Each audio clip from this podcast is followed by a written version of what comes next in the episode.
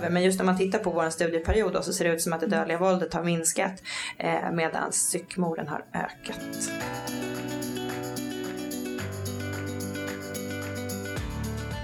Men i Madsen-fallet så var det ju så mycket annat som talade emot honom. Det var ju dels att han ändrade sin historia flera gånger. Först så menade han att hon fick någon lucka i huvudet och sen kanske hon dog av en kolmonoxidförgiftning och så vidare.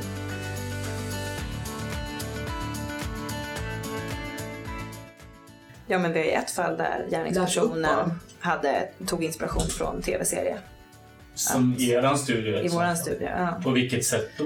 Nej men att, eh, att personen hade sett så här gör man på tv, i tv-serier.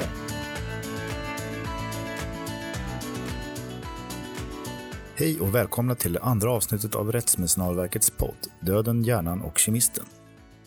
Vi gör den här podden för att berätta om vår spännande verksamhet där vi svarar på många av rättsväsendets frågor. På vår myndighet arbetar experter och specialister inom en rad områden och med en podd kan vi gå på djupet och ha tid för att svara på ofta komplicerade frågor. Jag heter Johan Göransson och fungerar som producent och gör programmet tillsammans med min kollega John Henslert som håller i dagens intervju. Idag ska vi tala om styckmord, eller koffertmord som det kallades förr i tiden.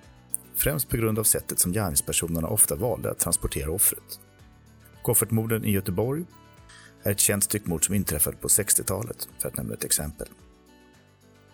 Den mest kända styckmördaren är kanske Jack the Ripper som mördade fem personer i London år 1888. I närtid är kanske konstruktören och styckmördaren Peter Madsen mer känd. Han är dömd för mordet på journalisten Kim Wall.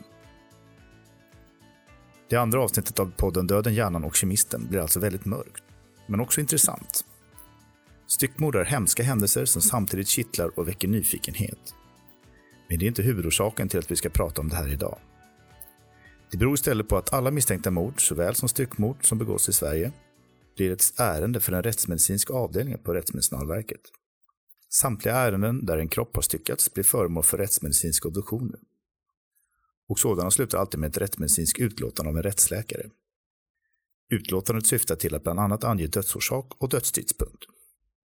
Vi ska alltså tala om styckmord i dagens avsnitt. Och som grund för samtalet har vi två studier i ämnet. En av före detta rättsläkaren Johan Reis med flera.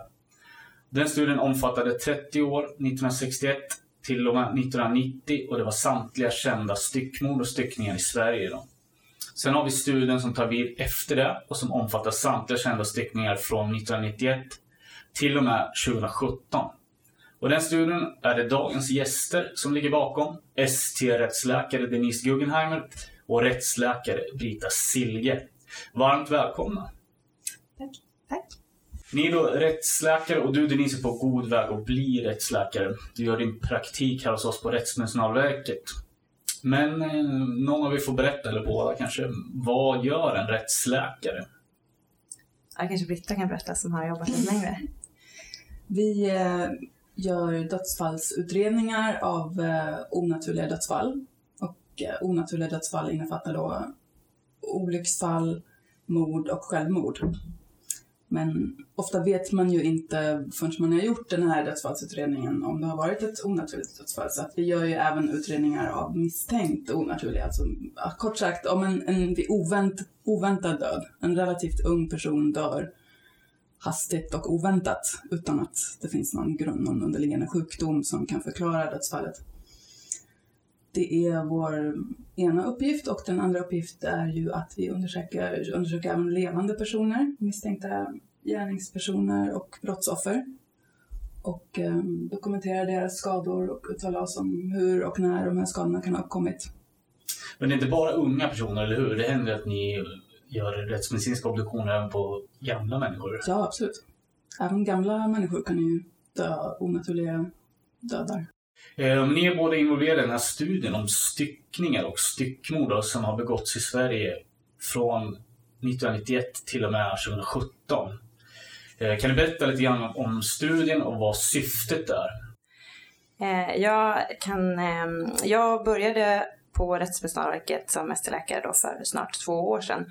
Och det är du som är alltså Ja, förlåt, det är jag som är Denise. Eh, och det var ju precis vid eh, Kim Wall-fallet. Eh, och då förstod jag att Britta fick frågan om, ja, från diverse media bland annat om lite mer eh, fakta. Så här, hur vanligt är det med styckmord egentligen? Och, eh, och ja, lite runt omkring. Och då insåg du att det inte fanns så himla mycket eh, liksom färsk data på ämnet. Utan det fanns den här Jovan Reis-studien i Sverige som då hade kanske blivit lite mer ja, till åren. Mm. Um, ja, och, precis. Det dök upp massa frågor där. Var är det mest uh, män eller kvinnor som blir styckmördade? Vilka är det som styckmördar? Hur vanligt är det i Sverige? Och då, ja men som sagt, jag började, började leta. Mm. I både våra egna data och i vad som är publicerat i litteraturen och man hittade i princip ingen, det är ingen som vet hur många sådana fall vi har i Sverige idag. Eftersom de här, det finns ju ingen kod för det här i dödsorsaksregistret eller i våra register eller i polisens register utan de här faller ju liksom lite in bland de vanliga morden. Det finns liksom ingen öronmärkning just för styckmord utan de här får man ju då handplocka ur det allmänna materialet och så. Och anledningen till det är att, att bli styckad är inte dödsorsaken utan det är dödsorsaken som står i... Ja, precis. Jo, ja i dödsorsaksregistret. Ja. som rättsläkaren har gett. Ja, ja, där uttalar man sig om dödsorsak och eh, dödssätt. Och dödssätt är då mord, olika självmord eller naturlig död. Men, och det är klart att vi skriver ju även i protokollet om någon har blivit styckad såklart, det ingår ju det självklart. Men sen när det här rapporteras vidare till Socialstyrelsen och så, då följer ju inte det med riktigt. Så att, eh, nej men jag blev nyfiken på det och som sagt, och så hittade jag den här studien av Johan Reis som ju ja, har några år på nacken. Så att från 90 och framåt, 91 och framåt så finns det ju inga data på det här. Så tänkte jag, men det här är väl ett, ett intressant forskningsprojekt. Och då hade Denise precis börjat och hon behövde ett vetenskapligt eh, arbete. För det ingår ju när man gör sin utbildning till rättsläkare så ska man göra ett eget vetenskapligt arbete. Och då tänkte jag att det skulle passa henne perfekt. Mm. Och det, är det klart arbetet? Studien eh, pågår? Nej, den är, det är till mesta delen klart. Men om man tänker sig rättsmedicin eh, så har ju vi inte riktigt att göra med den rättspsykiatriska delen, det vill säga gärningspersonerna och om de är eh, ja, men påföljder och analysera gärningspersonerna. Men det är ju ändå en del i, i studien som är av intresse att veta hur, hur man karaktäriserar dem. Men så att det vi tittar på hos oss det är ju mer, har ju med offren att göra. Liksom hur många och hur gamla och mm. var och hur och när, den biten. Um, och där är vi liksom nästan klara. Uh, det är lite fin slip kanske. Men sen har vi då den andra delen som inte riktigt är klar, som inte vi står för.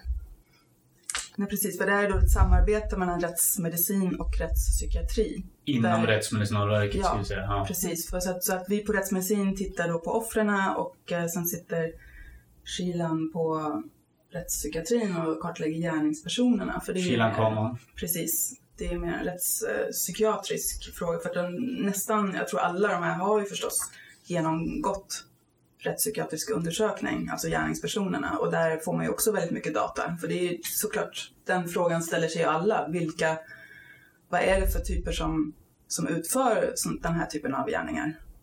Ja, och det är ju liksom av intresse för eh, även eh, alltså ett av, en av orsakerna också till att göra den här studien och försöka se kan man, kan man dra några slutsatser? Finns det varningstecken innan? Så kan man ja, den biten. Som sagt, det är då två studier Johan Reis med flera som går igenom eh, alla kända styckfall, eller styckningar och styckmord från 61 till 1990. Det är 30 år. Det handlar då om 22 fall med styckade kroppar. Eh, och i ett fall eh, har man då bedömt att döden har inträffat naturligt. På i 21 fall handlar det om mord eller stark misstanke om mord. Och I samtliga de fallen i Rise Studio då är styckaren en man. Och antalet fall ökade mot slutet av studieperioden. 28 misstänkta gärningspersoner, 16 gärningspersoner dömdes och 12 fick, eller, ja, fick rättspsykiatrisk vård eller motsvarande. Då. Men er studie från 1991 fram till och med 2017, eh, 27, 27 år blir det 41 offer, 38 gärningspersoner. 26 är dömda, dömda för att ha tagit livet av sin, sina offer och 10 är dömda för griftefrid. Och det antar jag är att man har eh, manipulerat kroppen efter döden? Mm, skändat den på något vis. Okej. Men jag tycker innan man bara tar- bara grottar ner sig i detaljer, då måste man ju liksom klarlägga vad är ett styckmord? Det var nästan där vi, nästan, det var det största problemet vi hade i början. Hur, vad är definitionen av Ja. ett styckmord? Absolut. Och eh, då tittade vi upp och de flesta andra studier som då, det har gjorts även, förutom den här svenska, några enstaka utländska. Någon i Korea och någon i Hamburg, och, men absolut inte så ett helt land kartläggande utan det är väldigt eh, sporadiskt liksom, här och där bara. Så det är också väldigt, utomlands finns det också väldigt lite data på det här området. Men då finns det lite olika definitioner och vi har tittat i eh, någon Dorlands Medical Dictionary tror jag den heter. Precis. Och då, det är även den definitionen som Rice eh, och eh, hans kompanjoner har använt och den är ju då att man avlägsnar var det, minst en viktig kroppsdel Ja. eller lem. Ja, vi, släng, vi la ju till eh, brottslig stympning eh, som, en, som en del i titeln för att just eh, allt är ju inte heller visat sig vara mord. Det är ju en juridisk eh, benämning i, i och för sig men vi har inte, man har inte kunnat visa i alla fallen att det är annans vållande. Och både i RISE och i vår studie så, så finns det ju fall. I RISE finns det ett som är alltså ett dokumenterat eh, naturlig, en naturlig död. En Just. kvinna som har dött av eh, någon åldersrelaterad sjukdom och sen har ehm, kroppen blivit styckad Mm. efteråt ändå av olika anledningar. Och i vårt material finns det också några sådana fall där någon, en kvinna påstås då ha dött av en till följd av en olyckshändelse och mannen fick panik och styckade henne och eldade upp henne. Och det kan man ju tycka som en vanlig person är helt orimligt att man skulle vilja göra i ett sådant fall. Liksom, varför ringer man inte 112 och eh, anmäler dödsfallet då? då? Men det, folk kan ju bete sig på irrationella sätt som, och det är därför de hamnar Under i press studien. eller? Så det måste inte vara ett mord. Alltså det är väl just styckmord innehåller ju ordet mord så att det är därför det även heter postmortal stympning eller brottslig stympning. Eh, Vi ska gå in lite mer på framöver här vad, vilken olika typer av styckningar eh, det finns. För det är ju ganska väldefinierat de här fyra olika grupperna som då eh, Ja, alltså, alltså alltså där, vad motiv bakom vilken Ja. typ av styckning det är. Så, det är ju från den första tidigare studien Pyscher. Är- Jag vet inte när, vilket årtal den är ifrån men den är ganska gammal. 70-tal, Hamburg. Ja. Både RISE och ni har väl använt er av precis samma? Ja, och de andra studierna som vi, får, vi får gå in på det sen. Jag ska bara, en sak som jag la märke till, eller som jag reagerade på i, i, i vart fall i RISE studier, och det, visar att, ja i eran också, att styckning i, i RISE studier är sju gånger så vanligt i stora urbana områden. Och er studie visar att eh, stockholmare löp, löper störst risk. Då. 17 av 41 offer i er studie, s- studie hittas i Stockholmsområdet. Och vad beror det här på? Men det är ju egentligen inte speciellt Eh, konstigt alls därför att den vanligaste, då blir det lite förklaringar på olika styckningar. men den, den, en av eh, kategorierna är det som kallas för defensiv styckning det vill säga att man egentligen eh, försöker göra sig av med kroppen. Det blir lättare om den är i mindre delar till exempel eller om man försöker försvåra identifiering. Eh, och om man tänker sig att man bor ute på vischan någonstans där det är mil till närmsta granne då kanske man inte har samma behov av att eh, eh, få liksom kroppen i små delar för att lättare eh, undanröja den utan eh, det kanske går att lösa ändå. Medan om man bor mitt i innerstan till exempel och ska försöka frakta bort en, en 80 kilos eh, kropp, det gör man nog inte helt eh, obemärkt, eller vad vet jag, men eh, det Nej. är nog lättare. svårare. Det är större chans att bli upptäckt med många ögon på sig. Då. Sen bor det ju flest människor i Stockholm också, så det är ju också en förklaring såklart. Mm. Alltså man måste ju relatera det till befolkningsmängd också. Mm. De flesta morden oavsett sker ju i Stockholm, men det är ju inte för att Stockholm i sig är mer våldsamt än andra ställen i landet, utan det är helt enkelt för att här bor det mycket folk. Det blir per capita. Ja. ja. Eh, Men i vart fall, om man slår upp era studier och DICE och eran, så är det sammanlagt då 63 kända fall av styckmord och styckningar sedan 1961 i Sverige då, fram till och med 2017.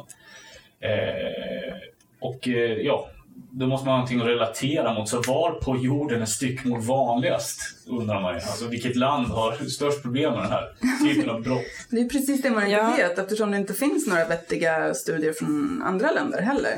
Så som sagt, de här studierna, de som finns, de få, Hamburg, någon enstaka i Finland och så, de har ju sällan rikstäckande material, det är sällan samma definitioner, så det går inte att jämföra mellan olika länder. Vi hittade sex totalt.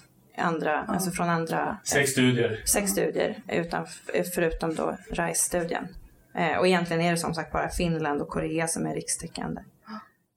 Så det är det som är problemet här, att vi har, inga, vi har ingenting att jämföra oss med. Vi vet inte om det är vanligare här i Nej. Sverige än någon annanstans Nej. eller tvärtom. Nej, och sen får man ju bara, vi vet ju bara om de som vi hittar också. De bästa styckmorden har vi väl kanske inte hittat för de, är, de lyckades lite bättre. Ja. ja, precis. Det är människor som är försvunna helt enkelt som man inte har en aning om. Det är ju naturligtvis kända fall som är med i båda studierna av naturliga skäl. då. Eh, och RISE studie visar att de flesta styckmord inträffar på vintern och på sommaren. Framförallt i augusti tydligen. En månad där det är absolut vanligast att de här styckbrotten, styck, styckningarna sker. Då. Eh, och i den studien nämns kräftskivor som ett fenomen som kan verka drivande på antalet styckmord. Så är det, är det möjligt alltså? Det var lite Ja, men, konstigt oj. resonemang kan jag tycka. Ja, och jag, när, vi, när jag tittade på det i, på vårt, vårt data så hittade jag inte någon dominans för, någon, för augusti eller någon, egentligen någon Det kan, specifik... det kan vara en slump att det inte varit så i RISE-studien. Ja, och fast det är ju inte en slump för man ser ju annars att augusti är väl en, Augusti en månad är som den toppar. vanligaste månaden att eh, bli mördad överhuvudtaget i Sverige. Ja. Alltså augusti har det högsta Så kräftskivan ligger mordantalet. bakom det. Nej, alltså, jag har inte alls sett många kräftor. Jag har funderat mycket på det där. Varför i augusti toppar mordstatistiken i Sverige? För att september är också lägsta, Precis. lägsta månaden. Det är som att det liksom byggs upp något. Och sen, För det är inte den stora Mm. industrisemestermånaden heller, för det är ju jul, juli i det Sverige. kanske är för att det är efter industrisemestern. Ja. Man tappar det totalt efter sin semester. Ja, det är ingen som vet eller Man kan bara killgissa på det här. Ja. Ja, eller tjejgissa. Eller tjejgissa, precis. Okej, men eh, som sagt, då, a- anledningen till att kräftskivor skulle vara en grej då, det, det var alkohol då, kan jag misstänka då. Som, som i samband med den typen av fester då. Ja, det är det man vara- tänker. Ja. Man tänker augusti, kräftskivor och Ja, alkohol. Men jag vet inte om det även i RISE-studien egentligen var ett enda kräftskivorelaterat styckmord. Det har jag svårt att tänka mig. Nej, precis. Det, det är inte kräftorna i sig, det är, det är alkoholen. Då. Ja. Okej, nu kommer vi till de här modus och metodgrupperna, de här fyra då. Vi snabbt kunna gå igenom då. Jag, jag kan läsa upp eh, några korta def- definitioner av det. Och Då har vi första defensiv styckning då. Och det är, eh, är för att gömma kroppen och försvåra identifikation och försvåra för polisutredning då helt enkelt. Så vi aggressiv styckning, mordet sker i raseri och så även styckningen som följer som kan misstänkas till viss del sker för att få utlopp för någon form av ilska. Då. Eh, offensiv styckning som väl verkar vara det värsta för offret då, då drivs av sadism och sjuka fantasier. Ni får rätta mig om jag har fel här. Sen har vi den här styckning med nekromantiskt motiv då, som är extremt sjuka eh. Nekromanisk. Manisk, ja okej, nekromanisk. Sexuellt drivet. Nej, det behöver det inte vara. Nekromanisk innefattar ju, det är när man vill spara en kroppsdel eh, som en trofé. Det kan vara sexuellt, men det behöver absolut inte vara det. Och snarare så ska det väl också egentligen de andra typerna eh, behöver inte vara eh, efter döden. Det kan vara innan döden. Vissa styckningar blir, eller viss, avskiljningar av vissa kroppsdelar medför ju kanske död. Men eh, det måste inte per definition vara efter döden medan just nekromanisk definitionsmässigt ska vara efter. Nekroman. Så vad- är det vanligaste och vad är mindre vanligt motiv då för att stycka en död kropp? Kan man säga någonting om det? Men det defensiva är den en, alltså om man tittar på, på, grupp, på grupperna så är det det vanligaste. Eh, och som sagt, det är ju inte Men vad, vad, varför, varför är den vanligaste? Vad, vad innebär det? Ja men det innebär ju då att man delar upp kroppen i min, mindre delar för att lättare kunna göra sig av med dem. Det kan vara förpackat i olika, liksom, i olika paket eller plastpåsar som läggs på olika platser eller bara för att det är lättare att transportera bort det. Det kallas ju även transportstyckning. Ja, så det finns ju olika varianter. Vi har ju sett eh, i allt möjligt från att det eh, i ett fall var, skedde mordet och del av styckningen i Västergötland och sen så hittar man några kroppsdelar i, i vattnet i Stockholm för att man tänker sig att de har dumpat det från en båt. Så att det, så det finns ju liksom allt ifrån att det är, att det är eh, renodlat för att få bort eh, kroppsdelar men också för att försvåra. Eh, ja. Så det, det, är även i, i vår studie så är det den vanligaste eh, varianten. Men eh, ja, ni som sagt är rättsläkare och den rättsmedicinska obduktionen. Eh, försvårar en styckning för obduktionen? Och på vilket sätt i så fall?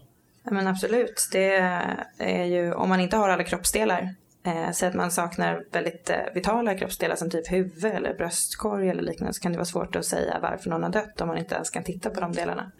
Eh, och sen kan det ju om det är så att det gör att, att hit, att man upptäckten av kroppen fördröjs så att kroppen blir i ett sämre skick så blir det också svårare att avgöra. Så att om man tittar på ett generellt obduktionsmaterial så är det kanske några enstaka procent eh, av okänd dödsorsak. Medan i vår studie så blev det eh, 10, 25 eh, procent.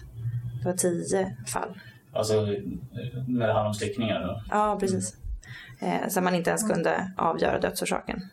Precis, och det är inte själva styckningen som försvårar fastställande av dödsorsak, utan det är ju som det ni säger, ifall man då inte får ihop alla kroppsdelar eller om de då har blivit gömda på ett bra sätt så att man hittar dem först veckor eller månader eller till och med år senare. Då är det ju inte mycket kvar av kroppen. Så det, det, skulle ju vara svårt även om kroppen inte var styckad. Vad är det, vad är det minst vanliga eller mindre vanliga motiv då för att, för att utföra en styckning? Men vi kan, inte, vi, vi kan prata om offensiv först då, som är den andra vanligaste. För att det är sån stark kontrast till, den, till transportstyckningen, till den defensiva. Och det är ju mer om man styckar av helt andra motiv. Det är mer om man vill skända kroppen eller sända ett budskap. Och då är det, det kan vara, det är ofta med sexuella inslag, så då är det ju inte att man kanske hugger av armar och ben för att få kroppen i mindre delar, utan då är det, kanske man snarare ger sig på könsorgan eller ansikte Mm. De här penismunnen till exempel är ju helt klart offensiv. Det är ju liksom inte... Det underlättar ju inte transporten direkt. Nej, vi har ett fall också där det var någon som är slagen i huvudet, har man bedömt som. Men så saknas hjärtat. Det är ju också... Mm. Det, det underlättar ju absolut inte borta. något. Det blir inte svårare för rättsläkaren? Nej, precis. Underlättar inte för gärningspersonen för att identifieringen blir densamma. Och Sen har vi de två som är kvar där, aggressiv och nekromanisk som det heter. Ja. Vilken är van, minst vanlig då av de här två sista? Vi hittar ju ingen nekromanisk i det här studiematerialet. Det finns en i RISE studie va? Ja, exakt. Um, men, och det aggressiva är inte heller, vi hade två fall. Um, och där tänker man, konceptet är ju att, att det är ett övervåld. Så att det var inte meningen kanske att, att det skulle avskiljas kroppsdelar. Och i, eh, i ett av fallen till exempel är det knivhugg så pass att inre organ har, har åträffats utanför kroppen istället. Den här studien visar att över hälften av de 22 fall som ingår i hans studie eh, det finns en koppling till yrkeskunskap mellan, eh, mellan de här gärningspersonerna. Då. Mm. Och det handlar om slaktare, läkare, medicinska assistenter och veterinärer. Eh, kan, kan ett styckmord säga någonting om gärningspersonen? Ja, men här får man också prata lite om hur man styckar kroppen. För då delar man också in ibland styckningar i att man bara sågar av armar och ben till exempel med en såg. Eller så finns det en så kallad då ledstyckning och det är om man då karvar med en kniv in i leden. Så att man, man sågar liksom aldrig av några ben utan man, man avskiljer armar och ben på det sättet. Ungefär som när man kanske styckar ett djur. Och det är då man kanske tänker på att här krävs det anatomiska kunskaper, antingen en jägare eller en slaktare eller liknande. Och det, i RISE-studien var det ju som sagt, där såg man en sån koppling, att det var en överrepresentation av den typen av yrkeskategorier. Och i er studie? Vi hade ju bara två fall, alltså två av de här 41 var ledstyckningar. Mm. Och sen så, då blir det ju också så här att eftersom inte vi har gått igenom detaljerat gärningspersonerna ehm, så kan, blir det också, jag vet inte vad de hade för yrke, Nej, de två. Precis, det kommer ju bakgrunden. två av den här studien sen. Rättspsykiatriska delen av studien. Eller ja, för övrigt så är ju ett, ett av de här ledstyckningsfallen är ju olöst. Så att det, Ja precis, då är det ju svårt också. Då har vi ju ingen gärningsperson. Det är fortfarande... Men rent generellt, alltså då, om man då bara ska stycka, om du har en såg eller en yxa och bara hugga eller såga av kroppsdelar krävs det ju inga anatomiska kunskaper alls. Det kan ju vem som helst göra. Så i er studie kan ni inte, helt enkelt inte se att det finns någon koppling då? Utan, inte än. Eh, alltså, det, blir svårt då, eftersom inte gärningspersonerna är analyserade riktigt, den gruppen. Men nej, inte om man ska gå efter teorin att man behöver anatomiska kunskaper för att göra en ledstyckning. Eh, eftersom det blir lite för lite material. oerhört mörkt avsnitt där känner jag. Men ja, vi, vi får fortsätta i alla fall. Finns det något eh, som alla, eller en absolut majoritet av de här gärningspersonerna i er, nu vet vi inte något om alla gärningspersoner i er studie och i RAIs studie, har gemensamt? Alltså, för att utföra det här brottet, finns det någonting som, som krävs som de har gemensamt? Nej, alltså snarare kanske lite tvärtom, eller hur man nu ska eh, uttrycka sig. Men i RISE studie så var det ju flera personer som dömdes till rättspsykiatrisk vård. I, eh, jag har ändå tittat, eller vi har tittat så pass mycket på, på materialet att jag vet vad de fick för domar, och, eh, eller hur domarna hade då påföljder. Och det är bara fyra stycken eh, gärningspersoner som dömdes till rättspsykiatrisk vård och 32 som dömdes till fängelse. Eh, så att det är mycket det är färre antal. Sen vad det beror på att I våran studie, Mm. precis. Sen att rättspsykiatrin har gått igenom liksom en reform och att det, man ser på saker och ting annorlunda. Det är ju såklart kanske den största eh, förklaringen. Ehm, men, eh, Men det är ju alltså det är ju vad folk tror i allmänhet. Den spontana reaktionen är ju att någon som styckmördar måste ju vara så pass eh, psykiskt sjuk att de borde ju hamna på rätt psyk. Men så är det ju inte om man tänker efter. Men de här defensiva transportstyckningarna, det är ju en väldigt rationell gärning. i alla fall ganska Man har råkat haft ihjäl någon, man måste göra sig av med kroppen, man vill försvåra polisens eh, undersökningar och då, då är man ju någonstans vid sina sinnens fulla bruk. Man kanske är en psykopat eller en narcissist och så, men det räknas ju inte för att bli dömd till rättspsykiatrisk vård, utan där måste man ju verkligen ha, lida av en allvarlig psykisk störning. Så ska finnas en rehabiliterings... eh, Och det gör det ju inte om du är kapabel att liksom, ta fram din såg och det är ändå ganska mycket jobb med en styckning. Det är ingenting man gör bara i ett sånt här schizofrenianfall eller något. Utan, Och det och intressant är ju liksom att det är flera, i flera fall så har det, eh, det, har det gått flera dagar. Alltså det har pågått, det, det är ganska metodiskt. Så här, Oj, nu är personen i fråga död. Jag förvarar hen på balkongen till exempel. Och sen dagen efter går och köper en såg. Väntar tills det finns bra tillfälle. Sågar upp i kroppsdelar.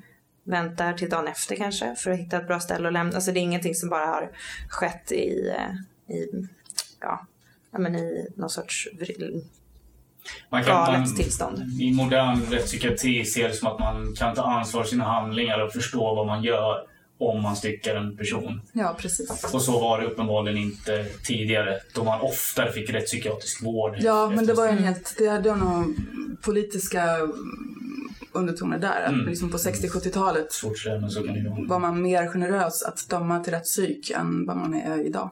Då är det ju ganska svårt att få rätt psyk. Så man, man undrar lite grann om gärningspersoners psykiska hälsa naturligtvis. Det frågar sig ju alla som, som tittar på den här, man tittar på den här typen av brott. Men det är svårt att säga någonting i, än så länge då, eftersom den rättspsykiatriska delen av er studie den är, pågår. Två av de misstänkta gärningspersonerna tog livet av sig innan det eh, kom till rättsliga instanser. Eh, men man hade så pass mycket, tycker man, eh, ja säger man, bevis eh, för att det skulle vara de som är gärningspersoner. Att man ändå, vi har valt att eh, betrakta dem som gärningspersoner i studien, även om de faktiskt aldrig blev dömda stark misstanke där. Mm. Vi, får, vi får avvakta den psykiska hälsan när den studien är klar. Men lite har du väl sett ändå när du har gått igenom? Det var väl mycket alkohol, narkotika Jo, inblandat? och så många av de här, om- jag har tittat eh, en del också på hur de har fått kontakt med varandra, om de känner varandra och vilken typ av relation de hade sinsemellan. Och då kan man säga så att det är, vilket också känns ganska rimligt om man tänker efter, det är ingen som har blivit eh, överfallsstyckmördad, eller vad man ska säga, så här random går på en cykelväg och så blir man påhoppad och eh, mördad och styckad, utan Anledningen oftast till att man styckar är ju för att undanröja bevis och att det finns en koppling mellan gärningsperson och offer. Och om det inte finns en koppling så finns det heller ingen anledning att misstänka då en viss person och alltså behöver man kanske inte stycka kroppen. Men eh, det var inte helt ovanligt förekommande att de har ja, kriminella tillsammans, eller vad man nu ska säga. Att man kände varandra, bekant, man var bekanta, man kanske hade viss, eh, viss samröre och mycket droger eh, eller den typs lättare kriminalitet, stölder och så vidare. Eh, och sen någonstans eh, någon kväll, oftast, vet vad vet jag, ballar ur och så Mm. tar den ena livet av den andra. Eh, så Och en hel del våld i nära, nära relation också förstås. Kvinnor Absolut. som blir mördade av sina partners eller ex-partners. Ja, exakt. Men det, det är betydligt vanligt att det är en man som åker ut för brottet. Väl? Alltså, Ja, både ja och nej. Alltså, det är ju vanligare överhuvudtaget att bli mördad om man är man. Vad är det, 70... Vad har vi siffror på här? 70 någonting procent, 75 procent av alla mordoffer är ju män. Det faller sig naturligt att det är oftast Ja, är de, de men om man då tittar på i vår studie, alltså bland styckmordsoffren, så är det ju 40 någonting procent kvinnor. alltså det var 24 män eh, och 17 kvinnor Ja, okej. i ja, offer då. På, Så det jämnar ut sig rejält när det kommer till det här brottet. Ja, så Ja. det är ändå vanligare att bli styckmördad um, jämfört med vanliga mord så är det ju vanligare med kvinnor ändå Mm. i styckmordsgruppen. Ehm, precis, men sen om man då ytterligare med gärningspersoner är att i Jovan Rais eh, studie så var det bara ma- eh, män som styckmördare. Eh, och i vårt material så har vi hittat två kvinnor för första gången ehm, i Sverige. Som, så det är ju också någonting nytt om man ska titta på som vi vet om gärningspersonerna. Ehm. Ehm, hur vanligt är det att en styckmördare upprepar sitt brott? I, om man tittar på de här två studierna. Ja, i vår studie har vi inte sett någon eh, som är upprepat förutom att det är en gärningsperson som är ansvarig för två dödsfall eller två styckningar och det var eh, för att de var, det skedde vid samma tidpunkt. Men vi har inte sett något fall där det är någon som är eh, upprepat vid, med viss tids, eller vad säger man, repeat offender, det var engelska. Ja, precis. Att man, ingen som med tid emellan har upprepat. Eh, alltså inte en seriestyckmördare då, så kan man säga. Ja, precis. Eh, inte som vi har kartlagt och hittat. Eh, Okej, vi går in lite grann på ert yrkeskunnande som rättsläkare. Då. Er uppgift i sammanhanget här. Hur, hur arbetar en rättsläkare vid en rättsmedicinsk obduktion vid ett styckmord eller vid en styckning, då, vid ett styckfall? Man arbetar väl som vanligt. Man tittar på kroppen, man packar upp um, kroppsdelarna. Försöker lägga upp dem i rätt ordning på obduktionsbordet. Se vad som saknas. Finns det yttre skador? Dokumenterar, fotar, beskriver. Det, Så egentligen alltså ingen större skillnad så länge Nej. man har delarna. ja, precis. Och eh, ja, sen Sen gör man då den inre undersökning om det finns något inre. Öppnar, mä, mä, väger och mäter organen. Så får man ju leta efter dödsorsaken såklart. Och eh, har man alla kroppsdelar så brukar det inte vara jättesvårt. Och om kroppsdelarna är hyfsat färska då.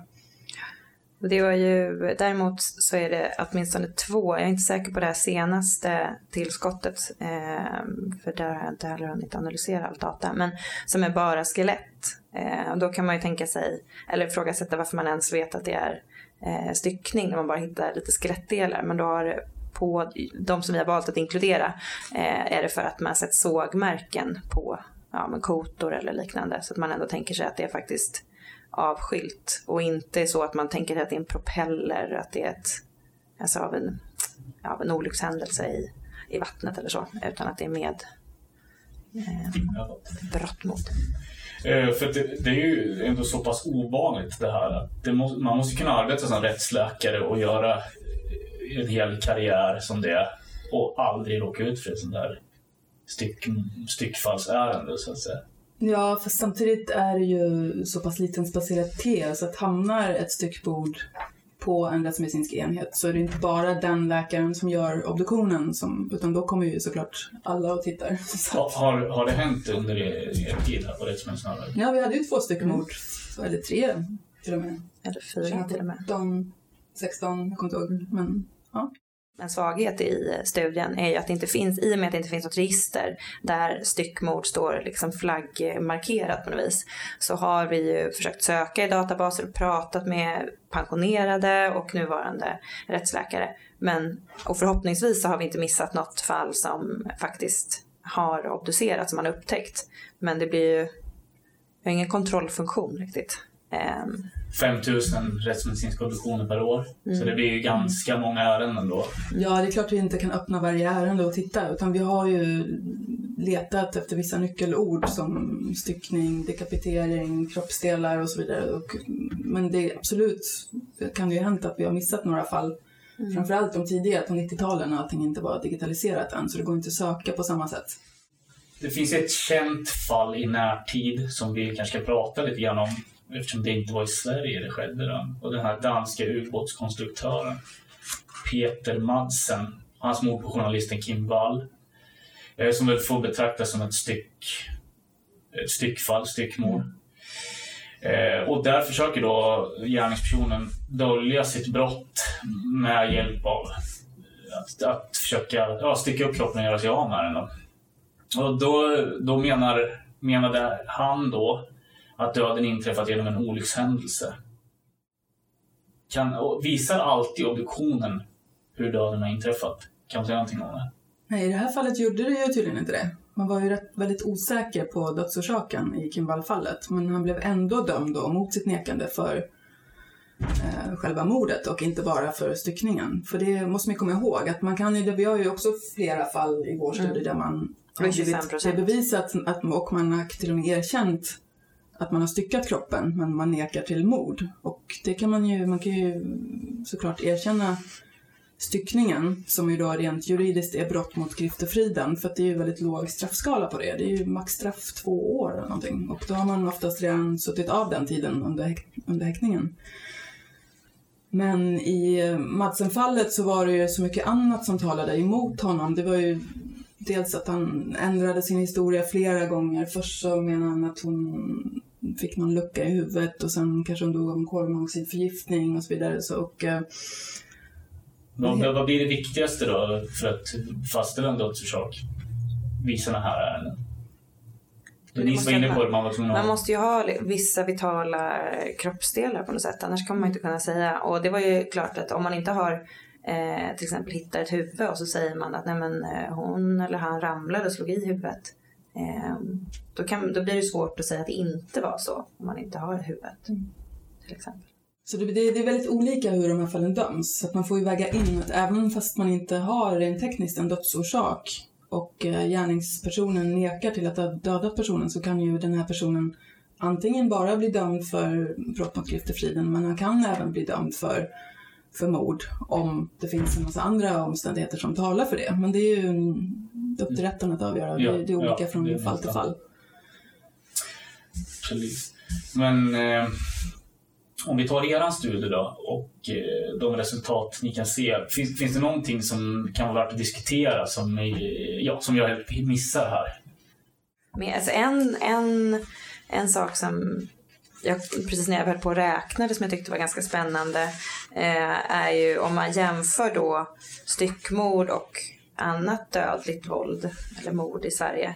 Och eh, det Jovan eh, Reis, det vad de hade gjort i sin studie var i och med att styckmord är ganska ovanligt så hade man istället då räknat antal styckmord och sen så delade det på antal eller per då, miljoner invånare, år och årtionde för att försöka se lite mer eh, bredare än att det annars blir det så enstaka. Ett år så är det två fall, då är det jättemånga jämfört med nästa som är noll. Så, får det.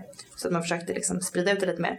Och då såg ju han i sin studie att det ökade Eh, Mot slutet av hans studie, det var fler, det var tätare mellan fallen. Ja, det var fler fall helt Ja. enkelt. Ju, och då är det korrelerat med till eh, morden. Och vi kan se eh, liknande i vår studie att, att antal styckmord per miljoner invånare och år per årtionde. Jag måste tänka länge men, eh, då ökar det. Medan om man tittar motsvarande på morden, också igen då per miljoner invånare, år och sen utspritt på ett årtionde. Vilket är ju ganska långt ändå, det är tio år. Då, då ser det ut på just nu vara en sjunkande trend. Eh, men sen händer det ju annat med det dödliga våldet i Sverige just nu som ser hur det Det är skjutningar vi pratar om nu. Ja men precis och hur det här visar sig Mm. framöver. Men just när man tittar på vår studieperiod då, så ser det ut som att det dödliga våldet har minskat eh, medan psykmorden har ökat. Okej, det låter ju intressant. Vad, tyckte jag. vad skulle det kunna bero på då? Ja, alltså kanske för att hitta fler fall. Ja, Men det kan ju också vara att folk, eller folk, de som mördar, ehm, vet mer och är mer medvetna om att man faktiskt kan göra det här för att man har sett på olika, läst, alltså det, man översvämmas ju i, i media av eh, framförallt inom kanske skönlitteraturen, olika deckare och eh, tv-serier så är det ju väldigt mycket seriemord och styckmord och den typen. Så Mm. man kanske ändå någonstans kanske inte inspireras men Ja men vi har ju ett fall där gärningspersonen hade, tog inspiration från tv-serie. som Att- i eran studie. I liksom. våran studie. Ja. På vilket sätt då? Nej men att, ehm, att personen hade sett så här gör man på tv, i tv-serier. För att få någon att bli medvetslös till exempel. Eller hur man ska Det erkände gärningspersonen eller? Ja. Okej. ehm, alltså det var ju till viss del inspiration då. Från vilken typ av tv-deckare? Eh, ja, en kriminalserie eller vad jag vet inte vad man... Dexter. Ja, Dexter. Men jag vet inte, det var hemligt. Ja. Men okej, det kanske inte är hemligt. Ja, Dexter. Dexter handlar om en polis va? Han är väl Han kriminaltekniker är va? Han jobbar med blod... blodstängsspecialist. I USA? Ja. Okej. Och sen på fritiden så sysslar han med brott? Han mördar folk som har kommit undan rättvisan. Okej. han, han har något inneboende, han, är- han, är, han har något så här behov av att döda. Och En då har mörk liksom? Ja. tämjt det behovet genom att bara döda de som förtjänar det så att säga. På 60-70-talet var man, det utbudet var inte alls lika vanligt och man kanske inte alls var medveten om att det här är någonting man kan göra. Nej, för det, det, det här gamla uttrycket koffertmord, alltså då, då vad jag förstår delar man upp kroppen och stoppar, stoppar den i en koffert och försöker släppa iväg med hela någon. Mm. Mm. Eh, och det är, det är ingenting ni kan se man fortfarande håller på med. Vi har ju ett sånt fall. Ni har ett sånt fall också? Ja. Eh, så vi ändå har valt att ta med, trots att det egentligen inte är en enda kroppsdel som är särskild. Men eh, det är eh, egentligen, för att bli grafisk, det är egentligen bara små slamsor som håller ihop hela kroppen. Alltså kotpelaren var, var delad i två till exempel. Och, sådär. och väldigt tydligt för att personen skulle kunna vikas ihop och få plats i en resväska som den också hittades i. Oerhört mörkt. Ja, Mm. Okej. Men det var ett sånt fall i er studie. Ja, så det väl ett, då ett äkta koffertmord. Det som man är intresserad av är ju den här psykiska ohälsan. Och, eh, då som jag antar att de flesta lider av som, som gör, utför den här typen av handlingar. Och, och som sagt, det får bli ett framtida poddavsnitt. Ja, Då alltså, kanske ni kan komma tillbaks. Mm. ja, absolut. Eh, Med Kilan, ja. Kilan Kaman som också jobbar där på Rättsmedicinalen. Men om jag inte minns helt fel så har jag ändå smygtittat lite på eh, just diagnos eh, ehm, och vad jag, ja, men 99,9% säker att alla har haft en, en, någon form av psykiatrisk diagnos som kanske inte har följts av eller var, liksom, varit föremål för den psykiatriska vården men har haft någon form av psykiatrisk diagnos har de haft i alla fall. Men det kanske må- mördare i största allmänhet har också. Exakt, så det är det som är så intressant att jämföra just alltså de här styckmördarna med de vanliga mördarna. Och det gjorde Som man ju rätt snyggt finska. i den här finska studien som vi har pratat om. Då har man ju jämfört som sagt styckmördarna med vanliga mördare och eh, hittat vissa skillnader där till exempel. Till exempel. Ja, men i IQ till exempel, att de styckmördarna hade i snitt högre IQ än de vanliga mördarna. Och var det inte till och med lite högre IQ än genomsnittsbefolkningen som helhet? Nej, det var fortfarande så här 100. Ja, det var på gränsen. Men... Det var... Och det är klart att vi är sugna på att göra den typen av jämförelse också, men då blir det ju väldigt stort, ja. Ja. väldigt stort jobb. För samma sak där, alltså man har inte alla mördare i en gigantisk databas över de här 30 perioderna med alla de här data.